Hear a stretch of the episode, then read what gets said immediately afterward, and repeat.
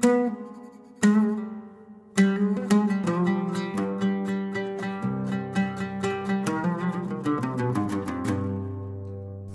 أن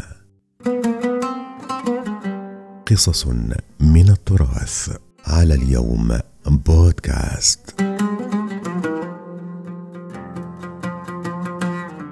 سائل أديب. وقف سائل بباب أحد البخلاء الأثرياء وطلب منه عطاء لله.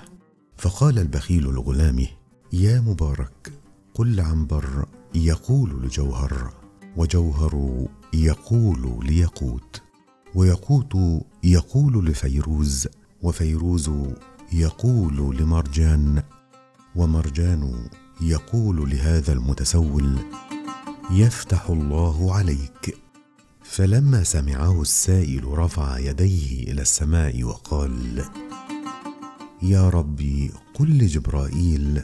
وجبرائيل يقول لميكائيل وميكائيل يقول لإسرافيل وإسرافيل يقول لعزرائيل أن يزور هذا الغني البخيل. شكرا لاستماعكم لنا وعلى وعد بلقاء جديد عبر اليوم. بودكاست دمتم في أمان الله.